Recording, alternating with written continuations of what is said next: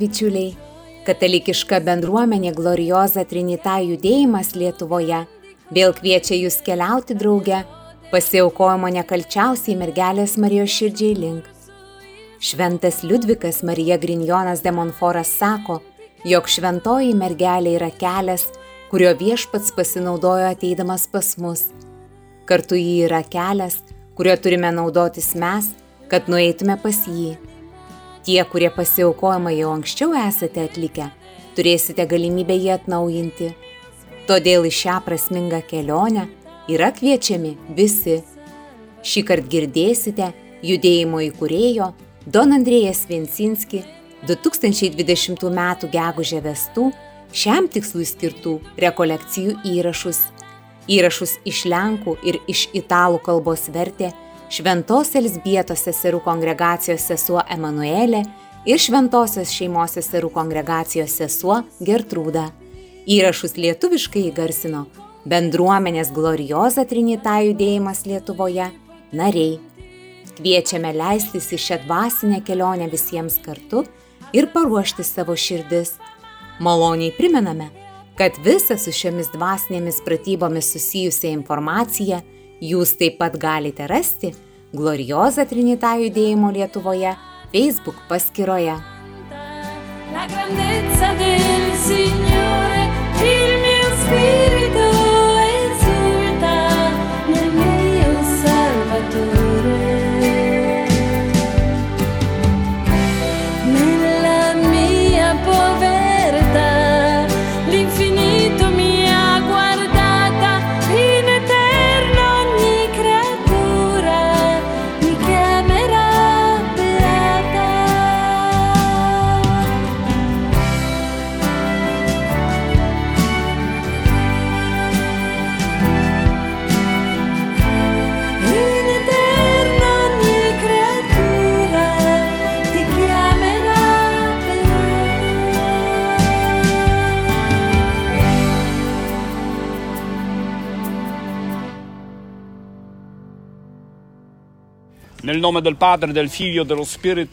Vardan Dievo, Tėvo ir Sūnaus ir Šventosios Dvasios Amen.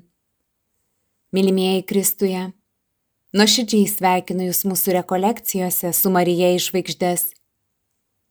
Ši diena man yra ypatinga. Šiandien švenčiu savo kunigystės šventimų metinės. Dar prieš šią katechezę susijungiau su savo kurso kunigais Lenkijoje ir mes kartu dėkojome Kristui už mūsų išsirinkimą šiai ypatingai tarnystei. O šios dienos katechezės tema - šūkis ir prašymas. Tegul mano širdis, mano šeima, mano parapija, mano tėvynė ir visas pasaulis tampa Dievo karalyste. Tegul mumise viešpatauja Jėzaus ir Marijos širdis. Todėl, kad šios dvi širdis yra susijėtos tarpusavyje. O dabar pradėkime nuo Dievo žodžio. Vieni,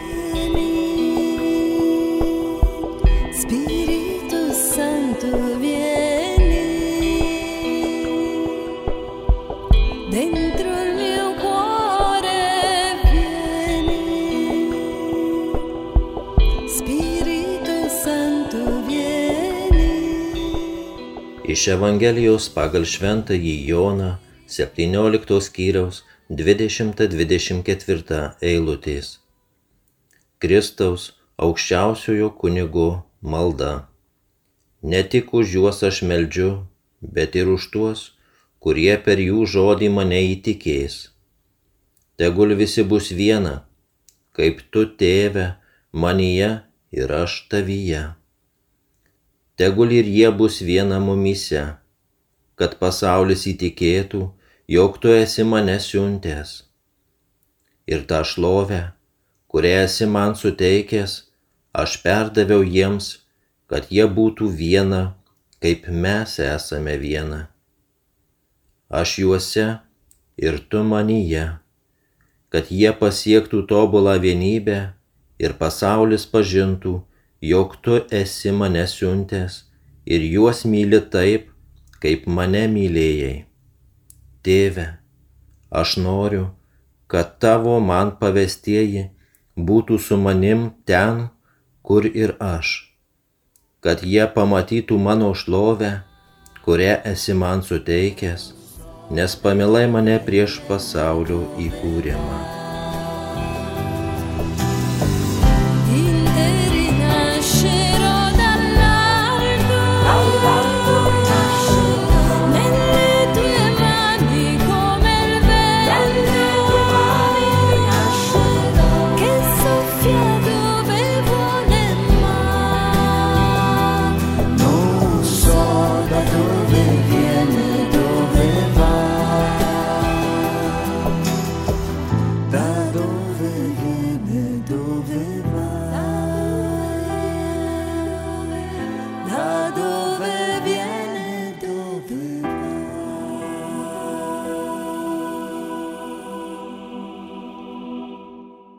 Mėlyjeji, šioje katechezėje aptarsime tris raktinius etapus, kurie padės mums.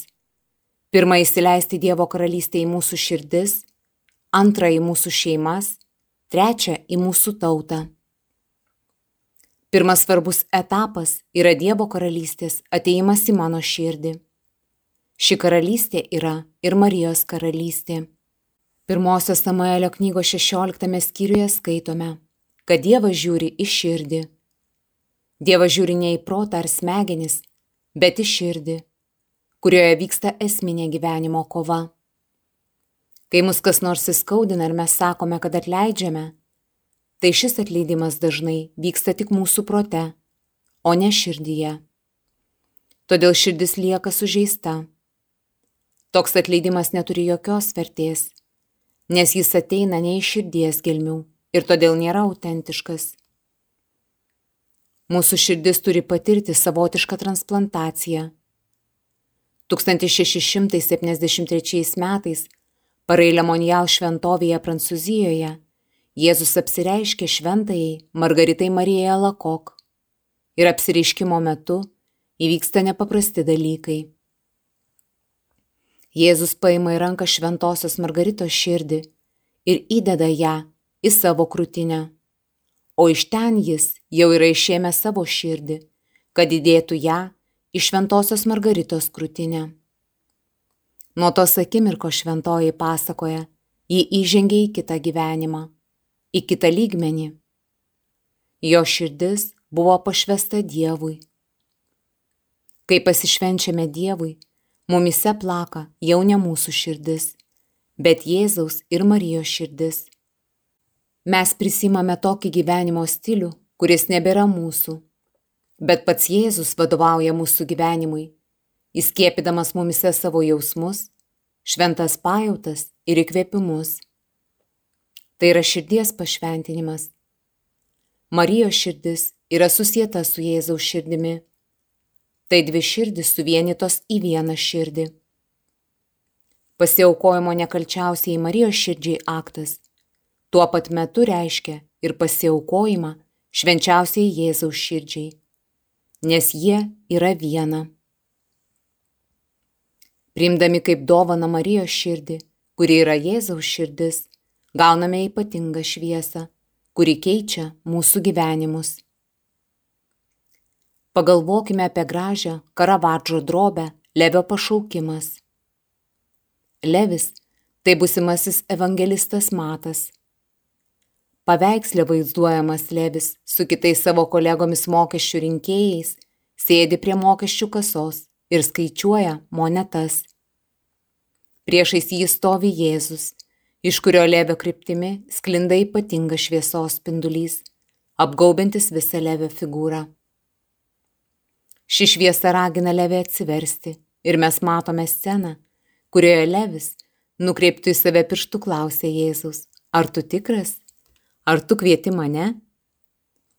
Ir Jėzus tarsi atsako, taip, būtent tave. Labai gražus paveikslas. Mane šiame paveiksle žavi tai, kad Levio gyvenimą keičia ne pro kambario langą patenkanti saulės šviesa, o šviesos spindulys sklindantis nuo Jėzaus. Prieš 21 metus ir aš turėjau panašią patirtį. 1999 metais didįjį penktadienį patyriau savo asmeninį susitikimą su Jėzumi. Stiprų susitikimą. Vakare einant kryžiaus kelią, mane kaip ir levi, pasiekė tas pats tikėjimo šviesos spindulys, sklindantis iš pervertos Jėzaus širdies. Tai labai stipri, gyvenimą keičianti patirtis. Toks yra pašaukimas, kuriuo norime gyventi. Mes neturime bijoti šito šviesos. Šios Marijos širdies, kuri mums atsiveria. Prisiminkime, ką mums sako šventasis raštas.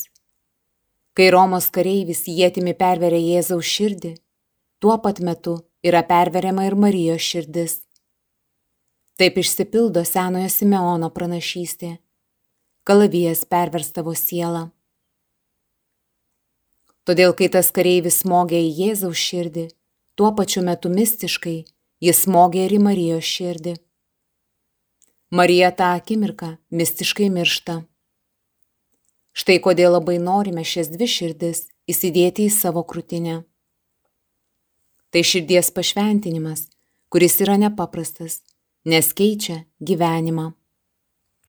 Dabar pažvelkime į tai, ką reiškia įsileisti Dievo karalystę į savo šeimą. Paskutiniais savo gyvenimo metais sesuo Liucija, Fatimos regėtoja, parašė laišką kardinolui Karlui Kafarai sakydama, kad laikų pabaigoje paskutinė kova kovos marioniškas likutis. Tauta pašvesta Marijai. Tai bus kova už šeimos ir santokos išsaugojimą. Pastebime, kad šiandien šeimos ir santoka yra kamuojamos daugybės problemų. Nes kiek skirybų išsiskirimų, kiek vaikų nesijaučia mylimi. Kokiu būdu Dievo karalystė ateina į šeimą. Sesuo Liucija ir daugelis kitų marijoniškų šventųjų, tokių kaip šventasis Jonas Paulius II, šventoji motina Teresė iš Kalkutos ar šventasis Maksimilijonas Marija Kolbė, sakė, kad mūsų namuose, mūsų namų bažnyčiose turi būti įkurti rožinio maldos žydiniai. Mes juos taip vadiname, nes kai šeima meldžiasi rožinį, ji į savo gyvenimą įpina visus lėpinius, kuriuos apmasto ir jais konkrečiai gyvena. Tokiu būdu pati Marija formuoja tą šeimą, kuri pamažu perima marionišką gyvenimo būdą, pasišventusiųjų stilių. Gyvenimo būdas yra tai, kas tu esi tame, ką darai. Jei tai tiesa, kad Dievo motina tave formuoja, tada visoje tavo kasdienybėje, tavo šeimininėme gyvenime, kai pareini iš darbo, gamini maistą, žiūri televizorių, tu turi perteikti tai, kas tu esi, savo marionišką formaciją. Šis marioniškas gyvenimo būdas, kitaip tariant, evangelinis gyvenimo būdas, yra nemažiau svarbus nei liturgija ir apėgos. Kartais mes nueiname į bažnyčią pasiklausyti Dievo žodžio, dalyvauti pamaldose ar apėgose, bet kai grįžtame į savo kasdienius rūpeščius, į savo namus, mūsų gyvenimo stilius neatspindi to, ką girdėjome Evangelijoje arba homilijoje. Pasiaukojimas yra tai, kas suteikia skirtumą mūsų gyvenimo stiliui. Tai nėra tik susikibimas rankomis ir žodžių tarimas. Marija aš visas tavo, o po to elgimasis pagal save.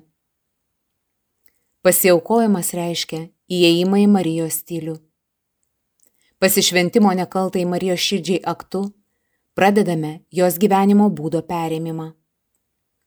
Mes startuojame ir prieš pradedant Marija kiekvieno iš mūsų klausia, ar tu tikrai to nori? 1917 metais, praėjus trims dienoms po paskutinio apsireiškimo Fatimoje, šiais Dievo motinos apsireiškimais susižavėjęs kunigas Maksimilijonas Marija Kolbė įkūrė nekaltai pradėtosios miliciją. Maksimilijonas Kolbė žino, ko nori. Vienintelis jo troškimas - visus atvesti pas nekaltai pradėtąją ir kad jį laimėtų visur ir visuose. Tai pasiaukojimas, kuris visiškai perkeičia gyvenimą. Todėl šeima turi būti patikėta Madonai ir šeimai turi vadovauti šventoji dvasia. Įsivaizduokime orkestrą, Tai gali būti šeima ar bendruomenė. Groti šiam orkestrui reikia trijų elementų - natų, dirigento ir muzikantų. Natos tai Dievo žodis, bažnyčios mokymas, tekstai apie šventųjų gyvenimą. Šios dvasinės pratybos taip pat yra natos. Tai katechezių ir susitikimų su gyvuoju Jėzaus žodžiu mėnuo. Dirigentas yra šventoji dvasia, kuris savo lasdelė viskam vadovauja. Viskas sutvarko mumise. Šventosios dvasios rankose esanti lasdelė - tai Marija, nes dėl savo nuolankumo ji leidžiasi šios melodijos vedama. O muzikantai yra šeimos nariai - tėvas, mama, vaikai arba bendruomenės ar parapijos nariai. Marija nori šios vienybės, šio gebėjimo bendradarbiauti su mūsų tarpe esančia įvairove. Nes šventoji dvasia sujungia mūsų skirtumus ir pagimdo dvasinę bendrystę. Tam tikslui labai svarbu yra kurti rožinio žydinius. Kalbu ne tik apie rožinio maldą, bet ir apie Marijos auklėjimą. Galiausiai įsileisti Dievo karalystę į mūsų tautą. Ar žinote, kad pirmoji šalis visų viskupų konferencijos pašvesta nekaltai Marijos širdžiai yra Portugalija? 1931 metais visa Portugalijos viskupų konferencija paukojo savo tautą Dievo motinai. Antroji šalis buvo Lenkija, tą padariusi 1946 metais, paskui kitos tautos. Yra didžiulis skirtumas tarp paukojimo ir pavedimo, nes paukojimas apima visos tautos žmonės, formuojant juos pagal Marijos širdį. Čia kalbama apie ugdymą ir įsipareigojimą. Tuo tarpu pavedimas tai savęs ar kito žmogaus patikėjimas kam nors, išsaugant savo elgesio ir mąstymo būdą. Taip pat remiantis etimologija žodis pašvenčių reiškia, kad kažkam atiduodu savo gyvenimą, kažkam iš didžiosios raidės. Jis jau ne mano. Jis priklauso Marijai ir Jėzui. Aš tampu šios milicijos nariu. Kaip sakė šventasis Liudvikas Marija Grinjonas de Monforas, tampu Marijos meilės vergu. Žodis vergas mums daro tam tikrą poveikį ir beveik gazdina. Bet būtent šį žodį vartoja mystikai ir tai reiškia, kad mano gyvenimas priklauso kažkam kitam. Jis priklauso Dievui. Keletas Italijos regionų taip pat buvo pašvesti nekaltai Marijos širdžiai, nes vietinės viskupų konferencijos atliko šį veiksmą. Tačiau vis dar trūksta visų Italijos viskupų sutarimo. Nes Marija Fatimoje pabrėžė, kad paukojimui atlikti reikia visiškos viskupų vienybės. Tik pagalvokite, kad Lenkijos viskupai bent tris ar keturis kartus bandė paukoti Lenkiją. Tačiau apsireiškimuose Dievo motina pasakė, kad Lenkijos paukojimo aktas buvo priimtas tik 1984 metais, kai jį atliko pats popiežius Vojtyla. Buvo būtina viena sąlyga, kad visi viskupai būtų visiškoje tarpusavio vienybėje. Marija Fatimoje kalba apie paskutinius laikus, kuriuose mes gyvename. Ta prasme, kad vyksta epochų pasikeitimas kurio metu Marija nugalės šitoną, tą didįjį slibiną, paminėtą apokalipsės 12 skyriuje. Madonos apsauga yra būtina. Jos turi prašyti visi tikintieji, bendradarbiaudami su viskupais ir popiežiumi. Turime visoje šalyje pastatyti tam tikrą apsauginę sieną, kuri apsaugotų šalį nuo šių baisių išpolių. Kalbama ne tik apie kančias, kurias sukėlė nepaprastoji sveikatos būklė, bet ir apie mūsų šalį, mūsų jaunimą, šeimas, kultūrą ir šalį ištikusią ekonominę krizę. Mes gyvename visapusiškoje krizėje ir mums reikia ypatingos pagalbos. Katechezę baigiame tėvo Don Andrėja palaiminimu. Il Signore sia con voi. Vi benedica Dio Onnipotente, Padre e Figlio e Spirito Santo. andiamo in pace.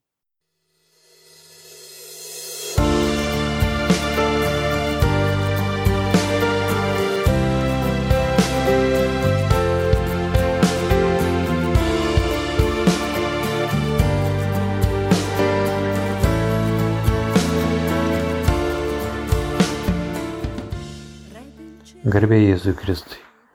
Esu Mindaugas. Keliauju kartu su Glorioza Trinita bendruomenė. Ir čia atrandu vis gilesnį ryšį su Dievu. Čia aš gavau supratimą, kad priartėti prie Dievo galiu tada, kai neprašau savo, bet noriu gero kitam. Ir tada Dievas parodo, kad esi teisingame kelyje. Tad noriu pasidalinti savo liudėjimu kaip Dievas man parodė artumą Glorioza Trinita bendruomenėje. Mano liudijimas būtų apie Prienų bažnyčioje vykusį maldos ir šlovinimo vakarą, kurį organizavo Glorioza Trinita bendruomenė. Vykstant rožinio maldai, į intencijų dėžutę, kuri buvo padėta bažnyčioje, užrašiau keletą vardų, prašydamas atsivertimo malonės. Po to, pasibaigus maldai, kaip įprastai tokiais vakarais, Gražina išdalino lapelius. Ant jų būna užrašyti slėpiniai ir tai sutrauktą slėpinį melžiamės iki kitos 13 dienos.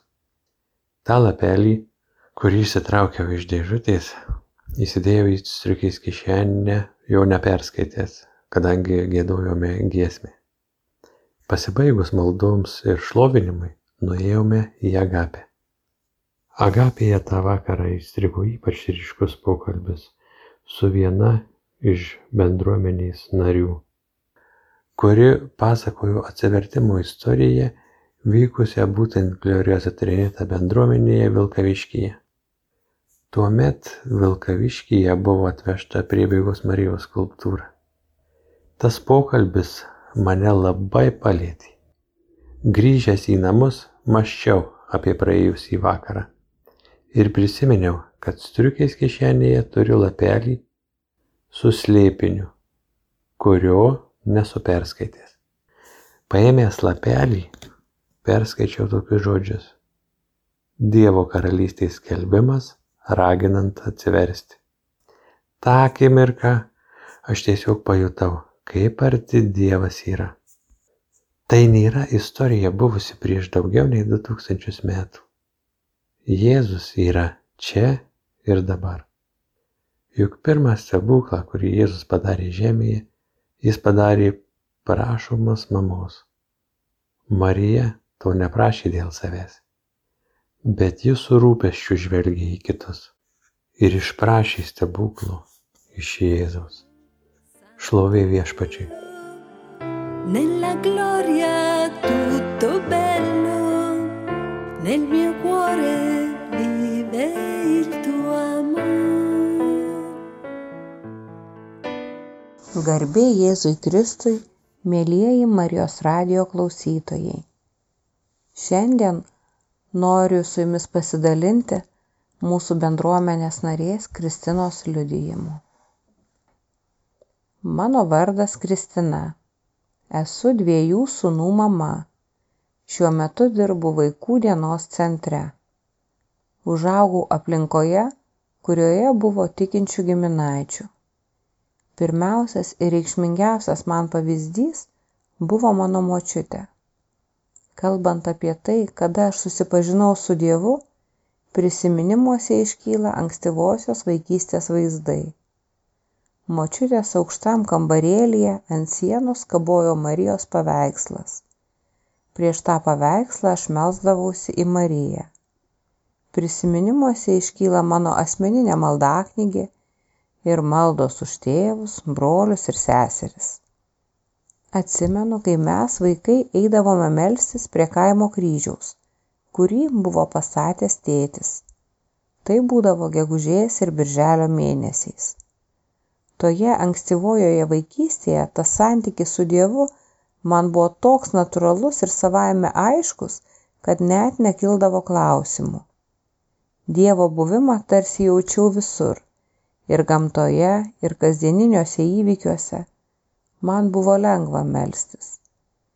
Visus įvykius primdavau kaip nuotikį, nes jaučiau saugumą.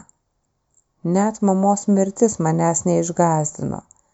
Aš visada melzdavausi ir suvokiau, kad turiu dangiškąją motiną Mariją. Bet paauglystėje atėjo dvasinė dykuma. Nustojau jausti Dievo artumą. Šią būseną pavadinau tiesiog dvasinė mirtimi. Manau, man tai Dievas leido išgyventi dėl to, kad suprasčiau kitus kenčiančius žmonės ir juos palaikyčiau ir jiems padėčiau. Kai pats esi tą išgyvenęs, supranti ir kitą. Po to aš vėl meldžiausi rožinį ir savo gyvenime vėl kabinausi į Dievą, nes žinojau, kad Jis yra viso ko pagrindas. Gyvenime man teko ir kitų išbandymų patirti. Buvo diagnozuota sunki lyga. Atrodė vėl gyvenimas slysta iš pokojų. Meldžiausi, ėjau ligonių patepimo ir po eilinių tyrimų gydytoja pasakė, kad tos lygos antikūnių kraujyje nebėra. Ir apie tą lygą aš daugiau net neprisimenu. Gyvenime jaučiau trūkumą, kad neturiu bendraminčių žmonių. Išskyrus savo seseris, mano tikėjimas į Dievą buvo mano paslaptis. Man buvo labai didelis troškimas eiti link Dievo. Ir atsimenu, po alfa kurso buvo susikūrusi laikina švento rašto skaitimo grupelė. Ir man labai užkliuvo iš švento rašto ištrauka apie pirmą krikščionių bendruomenę. Aš pagalvojau, kaip dabar reikia tokios bendruomenės. Aš pradėjau svajoti, o bendruomenė palaipsniui pradėjo kurtis. Ir šiandien ji yra glorioza trinita. Bet mano nuostabai, tokių žmonių su panašia pasaulyje žiūra Dabar aš jau pažįstu daug, kurie gerbė Dievą, tikėjimą, nori pagal Dievo mokymą auklėti vaikus, kurie taip pat patiria išbandymus, bet žvelgia vis tiek į Dievą. Dėl to aš labai džiaugiuosi ir tikiu, kad šis ratas žmonių tikrai gali didėti ir toliau. Šlovė viešpačiai.